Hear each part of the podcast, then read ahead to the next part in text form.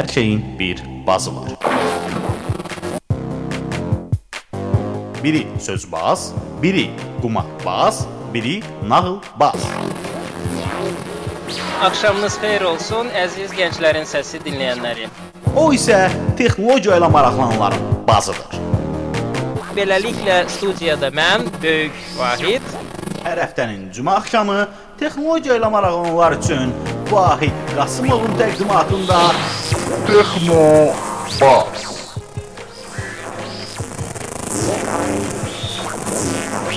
texnologiya ilə bağlı hər şey.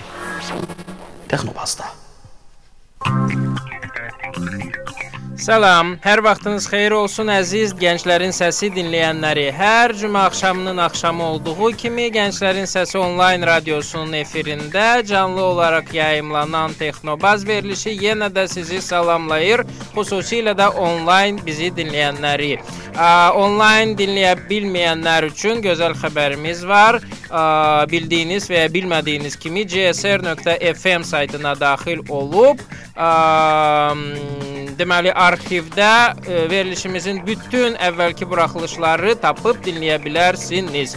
Ə, Texnobazı ilk dəfə dinləyənlərin nəzərinə isə çatdırmaq istəyirəm ki, Gənclərin Səsi onlayn radiosunun efirindəki Texnobaz verilişi texnologiya marağı olan gənclərə ümumdünya texnologiya xəbərləri, yerli texnologiya yenilikləri və milli texnologiya həyat deməli, ə, bayaq söylədiyim cümləyə uyğun olaraq biz məhz milli texnologiya xəbərləri və yenilikləri barədə danışacağıq bu gün də və bugünkü mövzumuz Startup Weekend-də həsr olunub. Nəyin olduğunu mən də bilmirəm. Birlikdə öyrənəcəyik. Bunun ə, məqsədi ilə bu məqsədlə hal-hazırda studiyamızda ki qonağım Nail bəydir. Zəhmət olmasa özünüzü təqdim edin ki, ə, bizim dinləyicilərimiz başa düşsünlər ki, siz kimsiniz, nə üçün burdasınız və Startup Weekend-də aidiyyatınız nədir? Buyurun. Sa salam Vahid müəllim. Çox sağ olun ki, qəbul elədiniz məni burada. Əlbəttə. Aa, Startup Weekend 54 saatlıq tədbirdir. Mən e, Startup Weekendin e, 4-dən biri bir təşkilatçısıyam. Aha. Yəni məndən başqa 3 daha başqa təşkilatçılar var. O Rüstəmdir, o Skype-da işləyən, e, əvvəlcə işləyən Rüstəm Londonda yaşayır. Aha. Mə Məmməd Kərimdir. Mhm. Azərbaycanda belə deyə sahibkardır. Plus işo Əziz Şəfseynovdur, o da Serbiyada ə, ə, müxtəlif işlərlə məşğuldur əsasən də. Siz nə işlərlə məşğulsuz? Ə, mənim özüm Startup Weekend-dən başqa, yəni ki Londondan, İngiltərədə mənim özüm 1 ildir gəlmişəm. Aha. Orada oxumuşdum. Özüm də sonra startup sahəsində işləmişdim. Business Incubator da çalışmışdım. Innovation Warehouse, yəni Londonun mərkəzində yerləşən böyük bir belə deyək ki, Google campusdan deyək, ə, sonra ən böyük biznes inkubatoru idi. Londonun ə, elə bir deyə, Shoreditch deyilən ərazisində. Shoreditch elə bir ki, Londonun ə, texnologiya necə deyim, ürəyi idi. Aha. Ə, orada da mən elə 2 dənə startup qurmuşdum ə, Londonda. Hələm ə, bir də, biri hələm fəaliyyət göstərir, yəni şirkət kimi.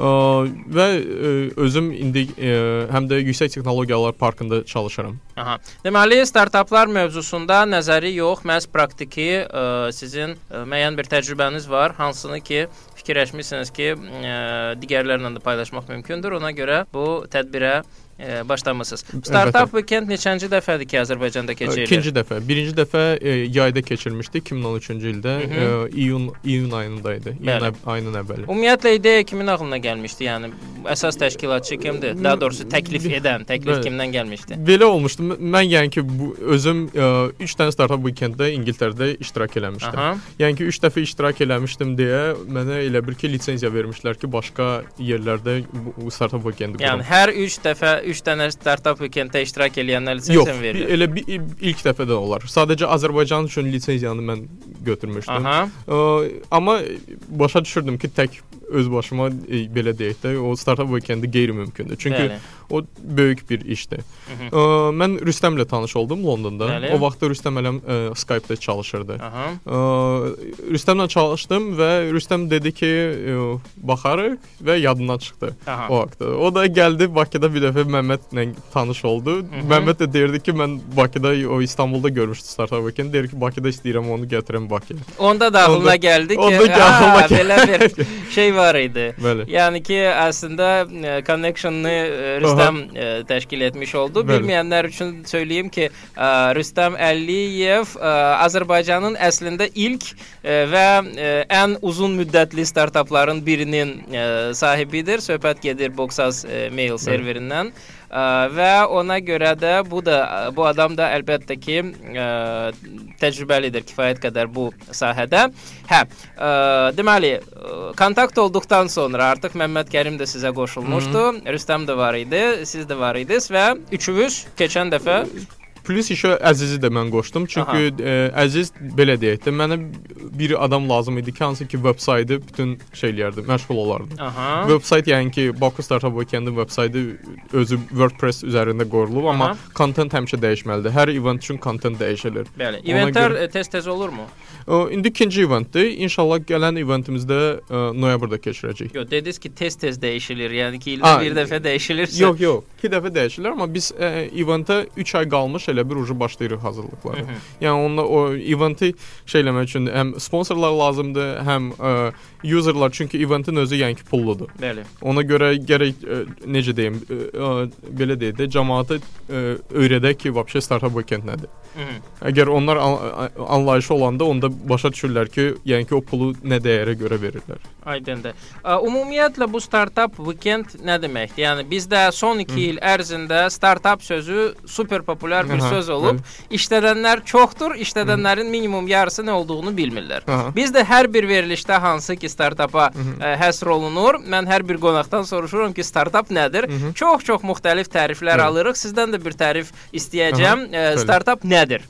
Startup yeni şirkətlərdir ya da ə, əsasən texnologiya, internet üzərində hansı ki ə, hansıların ki böyük belə deyək potensialı var gələcəkdə. Deyək ki, ə, Facebook 6-7 il, 8 il bundan qabaq startup idi ya da Twitter. Yəni ki başqa nəzəriyyəyə görə yəni Google-un özünü startap adlandırmaq olar. indi yox. Ə, Yaxşı, 15 il bundan 15 əvvəl. il bundan qabaq əlbəttə olardı. O da bir startap idi. o- Yəni ki, baxmayaraq ki, Azərbaycana bu söz 2 Aha. ildir ki, gəlib, dünyada bu artıq çoxdan mövcuddur. Əlbəttə, çoxdan Yəni mövcuddur. hər yeni təşkil olunan bir təşkilat, yəni şirkət hansın ki böyük potensialı var gələcəkdə, onu startup adlandırmaq olar. bəs yaxşı potensialını əvvəlcədən necə bilmək olar? Onu bilmək olmur. Ə, Və Amma amma deyək ki, hansısa baxışınışa görə, yəni ki, heç kim bilməzdi ki, 15 il bundan qabaq Google bu indi Google olar. Amma o vaxtda ona startup demək olardı. Deməli, əvvəlcə biz ona startap deyirik, ondan sonra necə deyirlər? Ondan sonra cücə olanda Amma- bilinmir.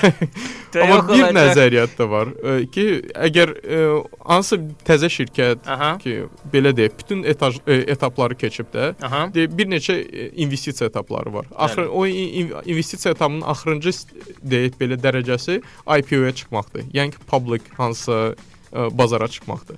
Hə, hamı elə fikirləşir ki, axırıncı dərəcə pul qazanmaqdır, milyoner olmaqdır. Amma IPO yəni ki, ucu axırıncı şeydə startapın belə deyək, axırıncı etapıdır. Amma bir şey var ki, elə böyük startaplar var ki, ucu deyək ki 200 milyonluq, 300 milyonluq in- investisiyası var, amma IPO çıxmayıblar, özdə qəşəng də pul qazanırlar. Onlara da indi demək olar startap yoxsa demək olmaz. Bu elə mo- moment də var. Ona görə biraz e, startap sözü belə sürüşkəndir. Mhm.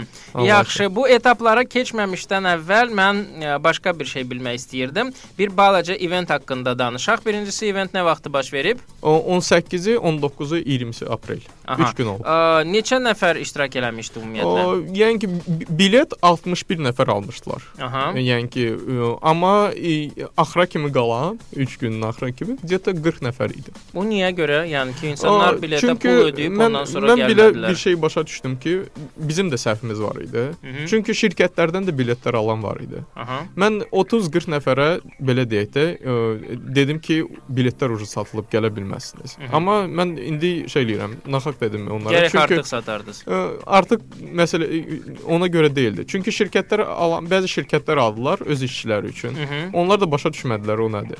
Aha. Və elə bir ki, qatılmadılar da. Orada yəni ki 3 gün işləməlisən. Mhm. Yəni ki startup weekendin özü 54 saat 54 saatlıq belə deyək, müsabiqədir. Aha. Harda ki sən ideya ə, belə deyək, ideya fazasından ə, öz startapını, öz ideyanı elə bir ki, hansısa bir produkta çevirirsən. Prototip ən azından. Prototipə, bəli, Mhm. ən azı. Yəni ki 11 ideya verilmişdi. 11 ideyadan 4 ən azı ya 5 ən azı 5 ideya elə bir ki, uje demo versiyası var idi. Yəni ki, uşaqlar belə deyək də ə, proqramlaşdırılır bütün gecəni. Aha. Ə, bu deməkdirmi ki, startap ə, weekend tədbiri əslində proqramçılar üçün nəzərdə tutulub? Yox, ə, o o demək deyil. Çünki biz biletləri 3 tərəfə belə deyib bölürük də. Proqram pr- e, yəni ki, developerlar, proqramistlər, ə, dizaynerlər və ə, non-technical, yəni ki, ə, texniki m, belə deyək, hansı biliyi olmayanlar əsasən. Onlar olurlar marketoloqlar, Mhm. biznes adamları və s.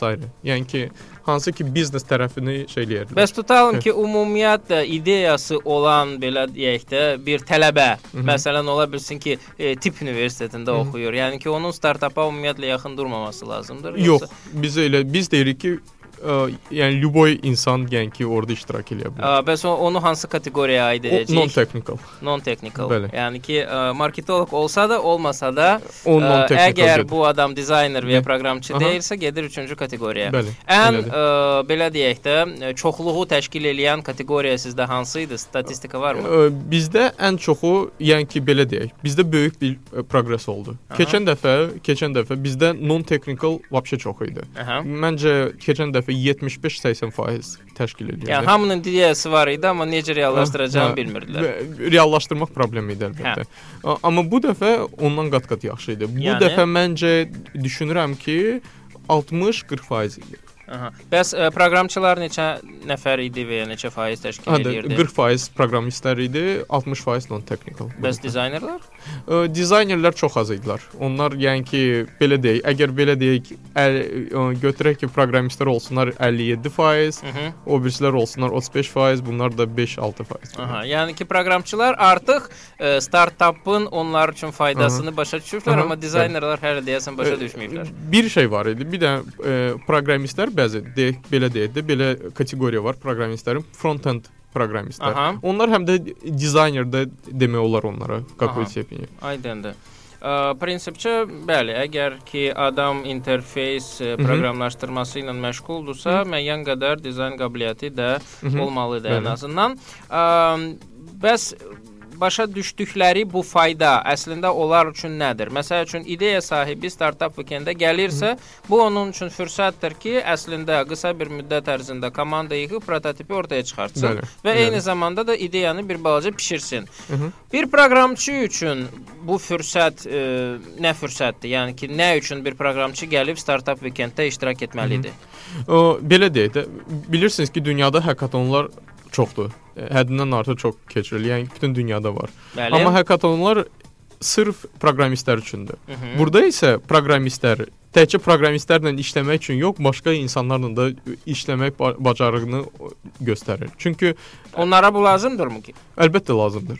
Nə? Çünki çünki çox vaxt yəni ki, bilmirəm nə qədər proqramistlərlə siz ünsiyyətdə olubsunuz. İndi Azərbaycandakı tam reallığı bilmirəm, amma İngiltərədə deyə bilərəm ki, çox proqramistlər biznes tərəfi heç anlamırdılar. Bəli. Ə, biznes modeli anlamırdılar, Okey. yəni ki və Ya, sairə. anlamamalıdılar da əslində. Yəni Anlama- ki, yaxşı amma bir burada- şirkətdə proqramçı heç vaxt klientlə ünsiyyətdə olmamalıdır. O bəli. oturub proqramını Amma yazmalıdır. bu, siz hansı şirkətdən danışmırsınız? Siz startapdan danışırsınız. Yəni ki, bu insanlar ə, biznes tərəfi də bilməlidir. Ə, həm də plus еще o, o, biz Azərbaycana çox böyük belə deyək ki, ə, investorlar da gətirmişdik. Ə, investorların biri Hüseyn Kancı, belə deyək də bizim rockstar Hüseyn Kancı idi. Onun özünün ə, Londonda venture kapital şirkəti var idi. Ə, və belə deyək, uje bir neçə ilə onun exit-i olacaq 1 milyardı keçəcək. O isə belə deyək, Onun pastanın neçə faizi gələcək Azərbaycana? Yəni ki, Ona- bu il e, startap weekenddə nəsə maraqlandığı bir proyekt olubmu? əsas odur ki, o Azərbaycana gəldi. Birinci məsələ o idi.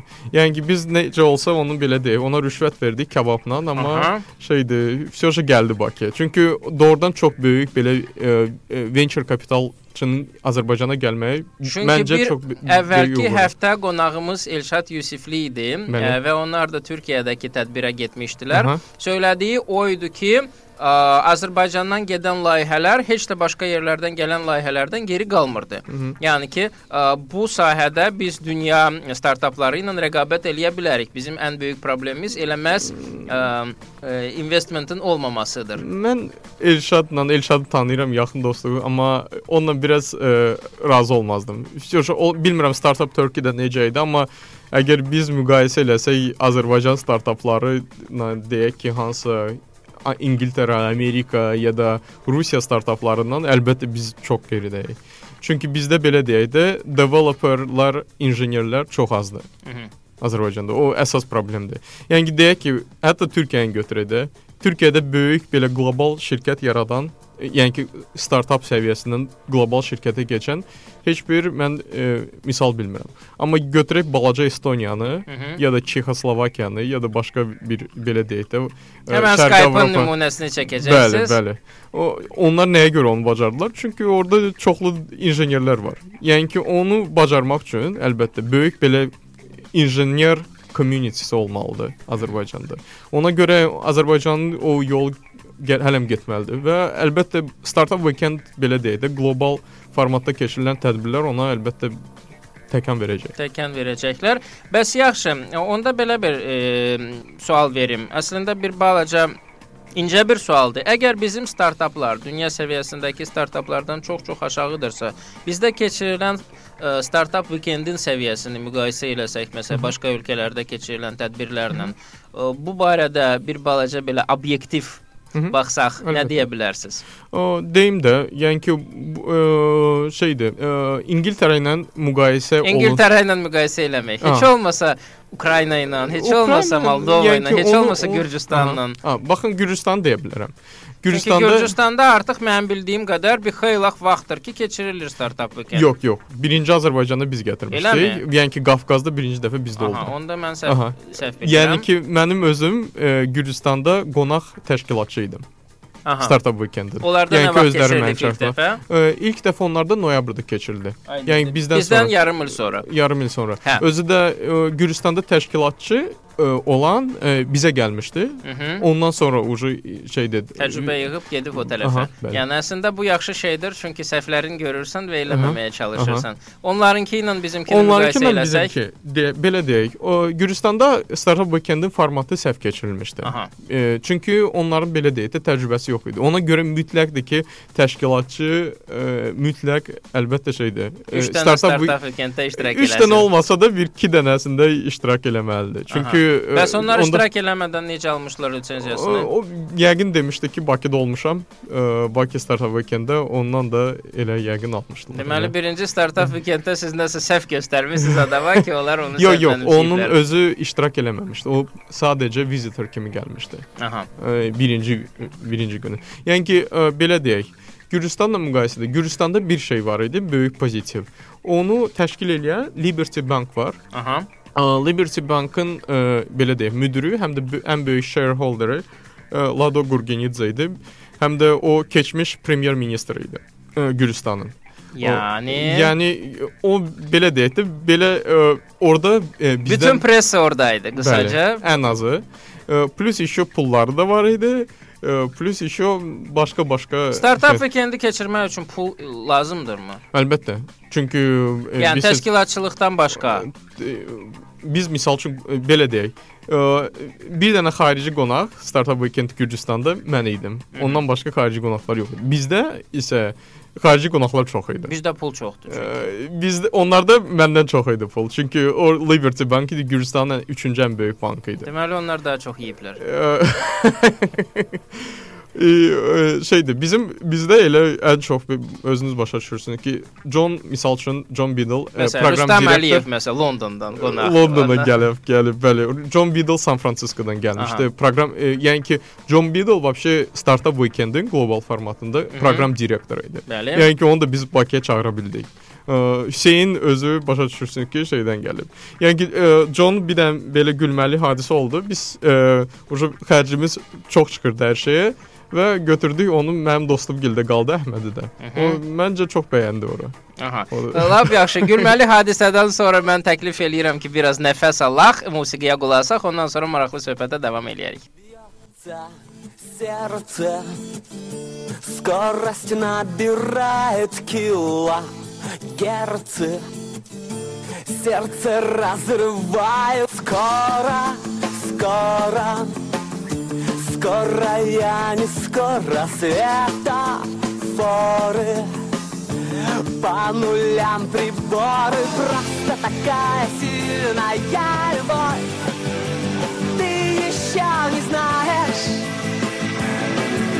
Просто такая сильная любовь.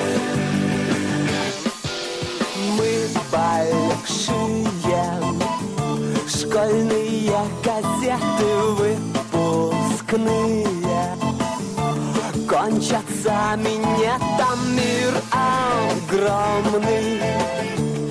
Открывает двери чистый, добрый. Я ему не верю, просто такая сильная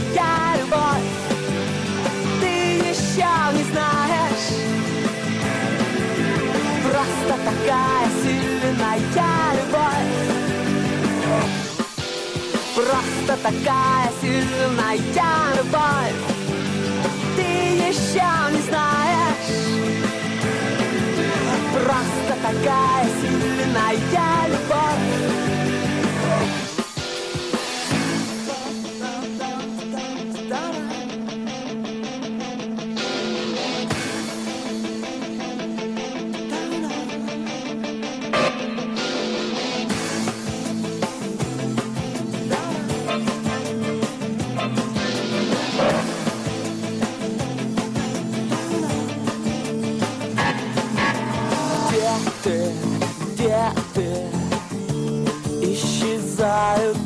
утром абоненты Стали недоступны Это просто.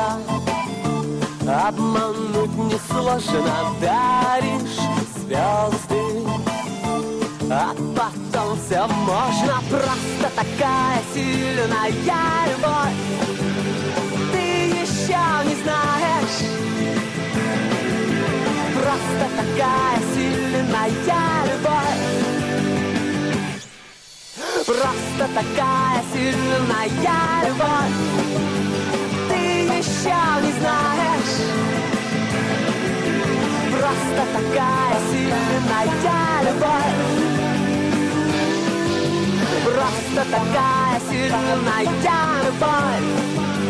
Ты еще не знаешь. Просто такая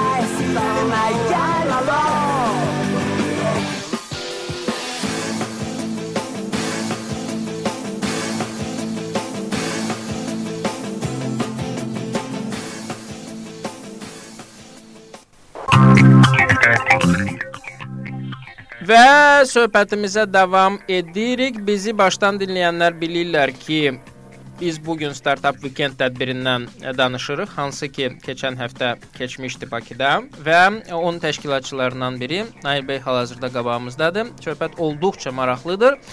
Bizim axırıncı mövzumuz, axırıncı sualımız, deməli, burada keçən tədbirin səviyyəsi ilə əlaqədar idi.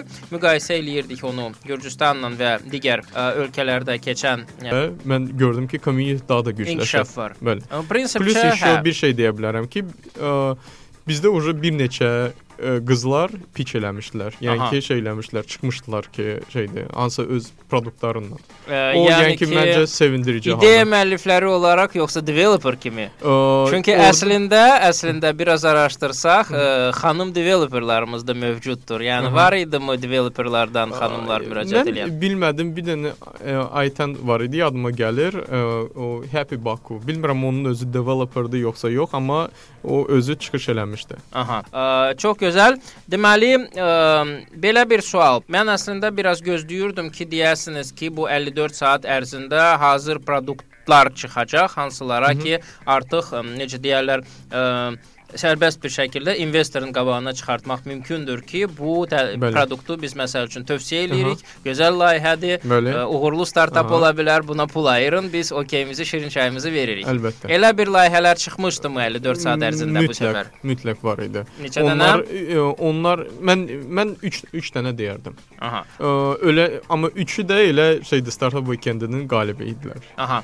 Ə, bəs ümumiyyətlə neçə dənə layihə var idi? O, 11 ideya var idi. 11 ideya, 11 hə. ə, Belə bir sual. Siz razısınız rəqəmdən? Yəni ki, bu kifayətdirmi? 11 dənə ideya. E, Yəni ki, belə deyək, e, mən e, Ümumiyyətlə 61 iştirakçı, 11 ideya, 3 qalib 61 və ya yox, 40 deyək də. 40 deyək, yaxşı. 3 dənə uğurlu ideya. Bunlar rəqəmlər nə dərəcədə sizi qane edir? Nə dərəcədə rəqəmlər, təmin edici yəni ki, rəqəmlər e, yaxşı idi. Çünki hər bir komandada elə 3-4 nəfər iştirak eləyirdi. Ona Aha. görə ona görə belə də olmalı idi. Yəni ki, e, amma bir şey var idi ki, 3 dənə qalibdən başqa da qəşəng layihələr var idi. Yəni ki, onları da mən tövsiyə eləyərdim ki, hansı hansı investorlar onlarla maraqlansın. Amma sadəcə əlbəttə komandalarla çalışmaq lazımdır. 3 dənə layihə nəyə görə? Mən də özdə bilirsiniz necə? Bizim o jürilər hansı ki 3 dənə layihəni seçdi. Mhm. Onların e, ikisi investor idi. Mhm. E, biri çox gözəl developerdı. San Fransiskoda e, yaşayan həmvətən həmvətən e, e, belə deyək, Azərbaycanlı e, vətəndaşımızdır e, və orada Fuse Box deyilən star e, şeydə şirkətdə çalışır. E, özü developerdir. Yəni ki, texniki tərəfdən çox güclü Aha. adamdır. Bir də Lubomir idi. O da ATL Group şirkətindən ə, gəlmişdi. O da jüri kimi, o yəni o da yəni ki, bu sahəni yaxşı başa düşürdü. Ona görə 3 dənə başa düşürəm. Bir şey var ki, ə, belə deyək də, ə, competition böyük idi. Mhm. Ə, Belə deyək, əgər ekspertlərin bəziləri xaricdən gəlmişdisə, ə, presentationlar hansı dildə? İngiliscə. İngiliscə olmuşdu. Yəni ki, Hamısı. şərt qoyulmuşdu ki, startap weekendin iştirakçıları bunu hökmən ingiliscə ən Bəli. azından presentation Aha. səviyyəsində etməlidirlər. Əlbəttə. Bəs bu yazıq ə, ingilis dilini bilməyən ideya sahibləri və ya m, digər şeylər onlar nə etməli idi? Ə, sizə bir dənə gülməli əhvalat danışa bilərəm. Aha. O bizim ə, ə, qalibimiz, yəni Startup Weekend-in qal- qalibi Foursquare Chat-dır. Aha. Onlar ə, ingiliscə bilmirdilər. Aha. 2 dənə ə, uşaq idi və axırıncı saatda ona bir dənə adam tapdıq ki, kim ki ingilis dilini bilir. Aha. O həmin adam da elə prezentasionu elədi və bilmədilər ki, onlar vəbşi qalib olacaqlar. Amma onların proyektləri çox maraqlı idi. Əsas məsələ odur ki, ə, onlar ə, əmin olsunlar ki, o ingiliscə presentation eləyən ə, onların həqiqətən yazdığını presentation eləsin, başqa şeylər danışmasınlar da. onu eləmişdilər elə. Onlar axırıncı 1 saatda elə prezentasiya üzərində çalışırdılar. Yəni prezentasiya gedə-gedə başqaları çıxış eləyərək Aha, Bunlar bunlar, hazırlaşırdılar. bunlar hazırlaşırlar, Çox axırıncı. maraqlıdır. Ə, deməli, əslində ə, bir bu non-technical hissəsinə tərcüməçiləri də ən azından ə, əlavə etmək lazım idi ki, bəlkə elə bir halda baş verə bilər. Amma bir şey var ki, baxın 40 nəfər arasında məncə bir 30 nəfər ingilis dilini normal bilir. Yəni developerlar üçün bu normaldır, çünki adam Aha. developer olmaq Aha. üçün o qədər Evet. texniki ədəbiyyat oxumalıdır Bəli, ki, bəli. onun da böyük hissəsi İngilis ingiliscədir. Ə, ən azından bu səviyyədə bilməlidir Hı ingilis dilini. Ə, hərçənd yenə də ə, görürük ki, tək Azərbaycan dilini bilməklə çox uzağa getmək ə, mümkün deyil. Əfsuslar olsun ki.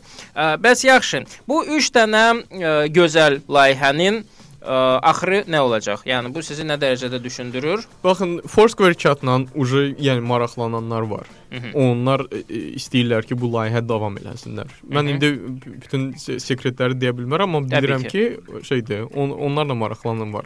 O birisilər, o birisilər də bilirəm ki, bir proyekt iTaxi özləri davam eləyəcəklər. Hı -hı. Çünki onların çox gözəl komandası var. Developerlar çox gözlüdür. Hı -hı. O dizayner, dizayn, dizayn üzrə də onlar ən güclü olurlar. Çünki dizayn dəhşət idi. Yəni ki, belə deyək də beynəlxalq səviyyədə olan dizayn idi. Çox gözəl. Ə, bir dənə də çox yenə də orada ə, güclü dizayner var, ikinci yer ə, tutan uşaqlar. Hı -hı. Onların da layihəsi belə deyək də ə, ə, necə deyim, carpooling deyilən bir şey var. Hı -hı.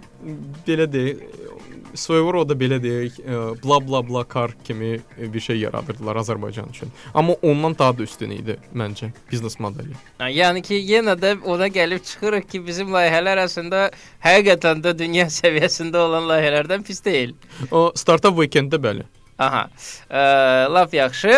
Ə, bəs investorların ə, marağı sadəcə maraqla mı qurtaracaq yoxsa heç olmasa belə bir şey deyək də. Yəni mən şəxsən investor olsam və mənim də deyəlim ki, kapitalım 1 milyarda gəlib çıxsa, mən sırf maraqdan, yəni ə, IT ə, xüsusilə də internet sahəsində IT layihələrin büdcələri çox yüksək olmur.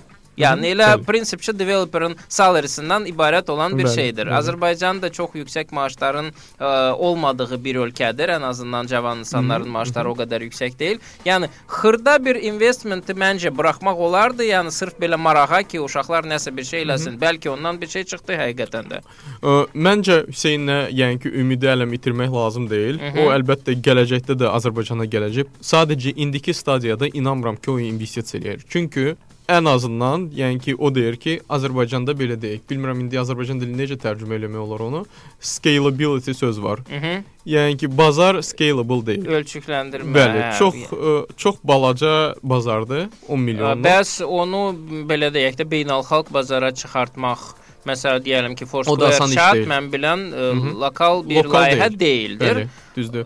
Amma bir şey var ki, onun da xərci çoxdur. Təbii ki. Ən azı viza lazımdır. O da böyük bir necə deyim, problemdir. Mhm. Ə, ə, sonra onlar deyək ki, elə uşaqlar belə deyək də, ə, hər yerdə çoxdur. Mhm. Bütün dünyada.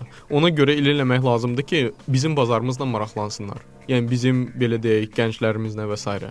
Və ona görə istəyirik ki, belə insanlar Neçə Azərbaycan tədbirin olması lazımdır ki, nəhayət nəsə bir şey çıxsın. Deyirsiniz killed moddadır Azərbaycanda bu söz. Mən bilən, hə. Yəni ki, bir hələ bir 5 ildə lazımdır ki, o şey olsun. Hə, Vaxt. Hansı- Mən qorxuram ki, 5 il ərzində heç bir investment olmasa, maraq öləcək öz-özünə. Məncə 5 il ərzində, yəni ki, indiki də belə deyək, lo- lokal investisiyalar var. Məsəl üçün Vital CV var, onlara Manats var, onlara inv investment oldu. Mhm. Ona görə mən inanmıram ki, yəni ki, ən azından bizdəki belə deyək də Gürcüstanda o dediyim həmin o Lado Gurgenidze. O e, Coinbase deyilən bir applicationdır. E, o da yəni qlobal startapdır da belə deyək, qlobal səviyyəsində Bitcoin-larla məşğul olan Series A ə, investment raundunda iştirak eləmişdi. Hı -hı. E, e, yəni ki görür ki Gürcüstanda elə investorlar var. Hı -hı. Bilirəm ki Azərbaycanlılar da var ki, hansı ki xaricilərdə xaricdə yaşayır və belə böyük investisiya raundlarında iştirak eləyirlər. Məsəl üçün Rusiyada var, elə ə, primer yadımdan çıxıb indi o investorun adı. Hı -hı. Amma onları da Azərbaycana gətirmək lazımdır. Hı -hı. Plus işo əgər biz ə, bizim ə, ə, belə deyək, bizim developerlar, böyük ə, startup founderları deyək ki, Azərbaycana gətirə bilsək, San Fransiskodan, Londondan, heç olmasa hansısa böyük tədbirlərə, Bəli. onda onda maraq bu bazara artacaq. Mhm. Mən adətən bu sualı son dəqiqələrdə verirəm. Bizim bir balaca hələ vaxtımız var. Mən istəyirəm ki, suala biraz daha ətraflı bir ə, cavab gəlsin. Nəyə görə? Çünki bununla praktiki bir şəkildə məşğul olursunuz, nəzəri olaraq yox. Ə, bir çox gəncimiz Sizin ən böyük problemi startaplar mövzusunda odur ki, düşünürlər ki, super bir ideyaları var. Həmin ideyanı kiməsə göstərsələr və həmin ideya ilə hardasa iştirak eləsələr ə, və eyni zamanda orada deyəlim ki, ekspertlər, developerlar, başqa developerlar və ya investorlar iştirak eləsə, onlar həmin ideyanı götürüb oğurlaya bilərlər. Yəni ki, bunların bu qorxularını ə, yox etmək üçün nəsə bir şey inandırıcı bir şey söyləyin. Yəni nəyə görə bunun heç bir qorxusu yoxdur və ya bunu etmək mümkün lazımdır. Birincisi deyim ki, vəbşi nə qədər sənin gözəl ideyan olsa belə, ideya heç nədir. Əsas onu yerinə yetirməkdir. Ona görə də e, kim ideyasından var ki, təkcə ideya stadiyasındadır, onlar getməlidir və o produktu develop eləməlidir. Və heç bir zaman qorxmalı deyillər ki, kimsə bu ideyanı qo- oğrus Və bu da oğradılar. deməkdirmi ki, ancaq mənim gözəl, çox super ideyam varsa, ə, onun arxasında heç nə dayanmırsa, mənə heç kim pul verən deyil. Yox, yox, niyə elə? Yəni ki, ə, belə deyək. Ə, bir dənə şeydən qorxmaq olar. Hansı ki deyək ki, sırf texnologiya, texnoloji ideyadır. Yəni ki, hansı onun, onun üçün patent lazımdır. Mhm. Və əlbəttə sənin o həmin texnologiyanı deyək ki, kodinqdə olmasın, bilmirəm də indi böyük yüksək texnologiyaya aid olan hansısa bir belə deyək də, hansı necə deyim, izobreteniyan var. Mhm. Onu da şeydir, onu da ə, yəni ki, kimsə oğraya bilər. Onda onda əlbəttə biraz qorxmaq lazımdır elə şeydən. Amma əgər səndə startap ideyadırsa, deyək ki, nə bilim, ə, hansı unikal belə biznes modelin varsa, ondan heç vaxt qorxmaq lazım deyil. Onu sadəcə reallaşdırmaq lazımdır, plus işi paylaşdırmaq. Çünki əgər sən paylaşdırmasan, heç kim bilməyəcək sənin layihənin haqqında. Paylaşdırmaya gəldikdə, yəni məsəl üçün Azərbaycanın deyəlim ki, scalability-si kifayət deyilsə, yəni biz çox kiçik bir bazarıqsa, beynəlxalq bazara çıxmağın ə, üsulları haqqında bir balaca məlumat verərdin. Yəni mən inanmıram ki, tutalım ki, Londonda elədiyin startap, ə, məsələn elə İngiltərə üçün nəzərdə tutulub. Yəqin ki, daha qlobal bir şeydir. Ə, Əlbəttə. Onu necə qloballaşdırmısınız? Aha. Ə, baxın, belə Və deyək. ki- Azərbaycanda otura-otura qloballaşdırmaq nə dərəcədə realdır? Mən e, birincisi e, belə deyək, Azərbaycandakı olan startapları, e, startapçıları vəbşə birinci nəzərdə tutardım belə deyək, SNQ ölkələrində, M, e, MDB ölkə, ölkələrinə. E, yəni ki, çünki o ən asandır. Asan asan işdir də. Deyək Nəyə ki? Qazaxstan. Çünki e, ən azından belə hansı legal legal tərəfdən çox asandır. O, o yəni ki, öz şirkətlərin öz ideyanla ora getmək. Həm də bazar bizə uyğundur. Hansı mənada yaxındır. Sizcə hansı bazar daha ə, daha yaxındır? Türkiyə bazarı yoxsa. Rusiya bazarı? İkisi də. Ə, sadəcə ə, Rusiya bazarı əlbəttə baxır əlbəttə biznesdən də asılıdır, amma Rusiyanın startap ekosisteması ümumən Türkiyədən qat-qat üstündür. Plus işi əgər nəzərdə tutarıq ki, bütün o ə, proqramçılar, injenerlər çoxları Rusiyada daha da güclüdür. Plus işi Ukraynanı da götürək də. Ona görə mən ə, mən Rusiya bazarını tatmin Orada startapın oğurlanma ehtimalı daha yüksəkdir. bir tərəfdən hə. E, bəs yaxşı, biz onlardan qorxaq yoxsa tam əksinə? Mən yenə deyirəm ki, heç nədən qorxmaq lazım deyil. Yəni ki, əgər yenə deyirəm, ideya e, startap ekosistemasında heç nədir. Milyon dənə ideyalar olur. Onları, yəni ki, ondan qorxma. Sənin ideyanı o vaxt doğrayacaqlar ki, hansı ki o, o vaxt ki sən hansı belə deyək ki, hansı nəticəyə çıxacaqsan. Ondan sonra uğraya bilərlər. Belə deyək, Groupon götürək əgər unikal biznes modelidir. Birinci Hə. dəfə əgər bilirsinizsə, voucher indi Azərbaycanda onların Bismart ə, adlı bir şey var, şirkət var, hansı ki, yəni ki, Grouponun ə, kopyasıdır da. Bəli. O, elə kopyalar dünyada çoxdur. Amma onu başlayıblar kopya eləməyə, nə o zaman ki, Groupon böyük şirkətə dönmüşdü. Mhm. Yəni ondan əvvəl deyildi. Və o vaxtdan sonra da artıq onu necə deyirlər, üstəsindən gəlmək mümkün deyil. O mümkün deyil. Amma ki başqa bir misal da var. Yəni ki Yahoo əjdaha ikən Google ortaya çıxmışdı. Hal-hazırda Yahoo-nun gününə baxın. Əlbəttə, yəni ki, onu, yəni gu- onu günahı ancaq Yahoo-dadır. Значит, onların innovasiyaları Google kimi güclü deyil. Onların komandaları Google-dan qat-qat zəifdir. Yəni ki, onlara baxmaq lazımdır, nəinki sadəcə ideyaya. Mhm. Yəni ki, sən həmişə daimi, əgər startap e, belə deyək də, ha- startap sahəsindəsən, daimi innovasiya eləməlisən. Yoxsa başqa cür, yəni ki, yenəcə deyək də, belə e, bir də belə e, fraza var, innovate or die. Aha. Yəni, y- y- Ya hər zaman inkişaf elə, ya da ki öləcəksən. Öləcəksən. hə. Aha. Ə, deməli, ə, ideya heç nədir bir tərəfdən, o bir tərəfdən məsələn Google məncə ə, qabağa gedib ideyasına görə, yəni onun konsepti yaxudakindən daha güclüydü. Ə, prinsipcə axtarış o qədər Mən elə deməzdim. E, Google-un ideyası belə deyək də, hansı e, basic hansı ideyadır, prosta search sistemi yaratmaqdır. Əlbəttə o vaxt üçün revolyusiya idi, amma sən o search necə, yəni ki o e, necə deyim, axtarış sistemini necə güclü eləyirsən də, orada onun Google-un arxasında böyük belə deyək, alimlər durublar ki, hansı ki bütün o datalarla işləyirlər, bütün o belə deyək də baza danlılarla və s. Ona görə o yəni ki asan iş deyil onu. Ümumiyyətlə bayaq bir dənə misal çəkmisiniz. Beynəlxalq hər hansı bir uğurlu layihənin əm, lokal versiyasını düzəltmək nə dərəcədə uğurlu bir şeydir və ya bir ölkədə ə, kifayət qədər uğur qazanmış bir layihənin başqa bir ölkəyə getməsi nə dərəcədə düzgündür? Məsələn, Yandex örnəyi. Aha. O ikisi də düzdür. O, yəni ki Azərbaycanda indi hər hal-hazırda elə o lazımdır. Yəni ki Bismartın Azərbaycanda belə hansı nail, e, hansı uğura e, uğur qazanmaq, o yəni ki ümumən Azərbaycan startap ekosistemi üçün yaxşıdır. Hansı qlobal ə, layihəni kopya eləyib Azərbaycanda tətbiq eləmək, ucu e, belə deyək də e, plusdur. Çünki Amma sosial şəbəkələr ə, məsələn skriptini götürüb quranlar, yəni yeni bir ə, milli sosial şəbəkə yaradırıq adı ilə, yəni ən azından bir 10 dənə layihə çıxmışdır. Onu da heç ümumiyyətlə cücərmədən batmışdı. Yəni ki, onda onun səbəbi nədir? O e, sosial şəbəkələr yəni ki, belə deyək də, insanlar belə deyək, tənbəldirlər. Mhm. Hansı əgər mənim Facebook akkauntum var ya da başqa deyək, kontaktda başqa sosial şəbəkə var, təzə ə, şəbəkəyə keçmək ancaq patriotik hisslərimə görə Mhm. mən yəni ki, eləməyəcəm, çünki mən tənbələm. Bunu Google bilmirdimi Google ə, Plus-ı çıxartdığı vaxt? Google Plus-ın məncə strategiyası biraz başqa cürdür.